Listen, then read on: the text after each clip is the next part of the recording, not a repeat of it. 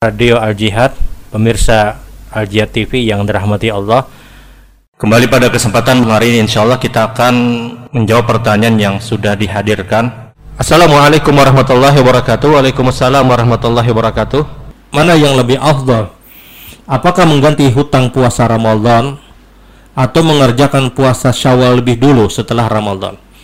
Yang lebih utama jelas dia harus harus membayar puasa, mengganti puasa karena sesungguhnya mengerjakan puasa Syawal yang enam hari itu disunahkan kapan? Kalau kita sudah menyelesaikan Ramadan. Kalau kita sudah menuntaskan Ramadan. Artinya puasa Syawal itu disunahkan kepada orang yang sudah menyelesaikan Ramadan baru dia mengerjakan puasa enam hari di bulan Syawal. Alasannya apa jelas?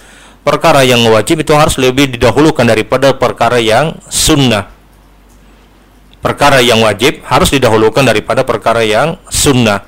Dan Nabi Shallallahu Alaihi Wasallam memerintahkan kepada kita man sama Ramadan thumma adbosita min syawal kana kasyamid dahar.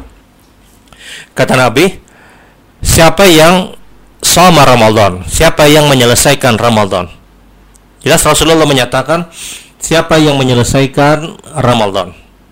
Thumma adbositan min syawal kemudian dia ikutkan enam hari di bulan Syawal. Artinya diselesaikan dulu Ramadan baru dikerjakan enam hari di bulan Syawal. Orang yang hutang di bulan Ramadan dia tuntaskan dulu. Baru dia mengerjakan enam hari di bulan Syawal. Rasulullah menggunakan pernyataan mansoma Ramadan. Siapa yang selesai Ramadan? Rasul tidak menyebutkan mansoma fi syahri Ramadan. Siapa yang berpuasa di bulan Ramadan? Tidak.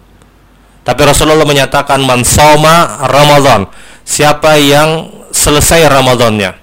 Kemudian dia ikutkan enam hari di bulan Syawal, maka amalan tersebut maka dicatatkan pahala seperti pahala selama satu tahun.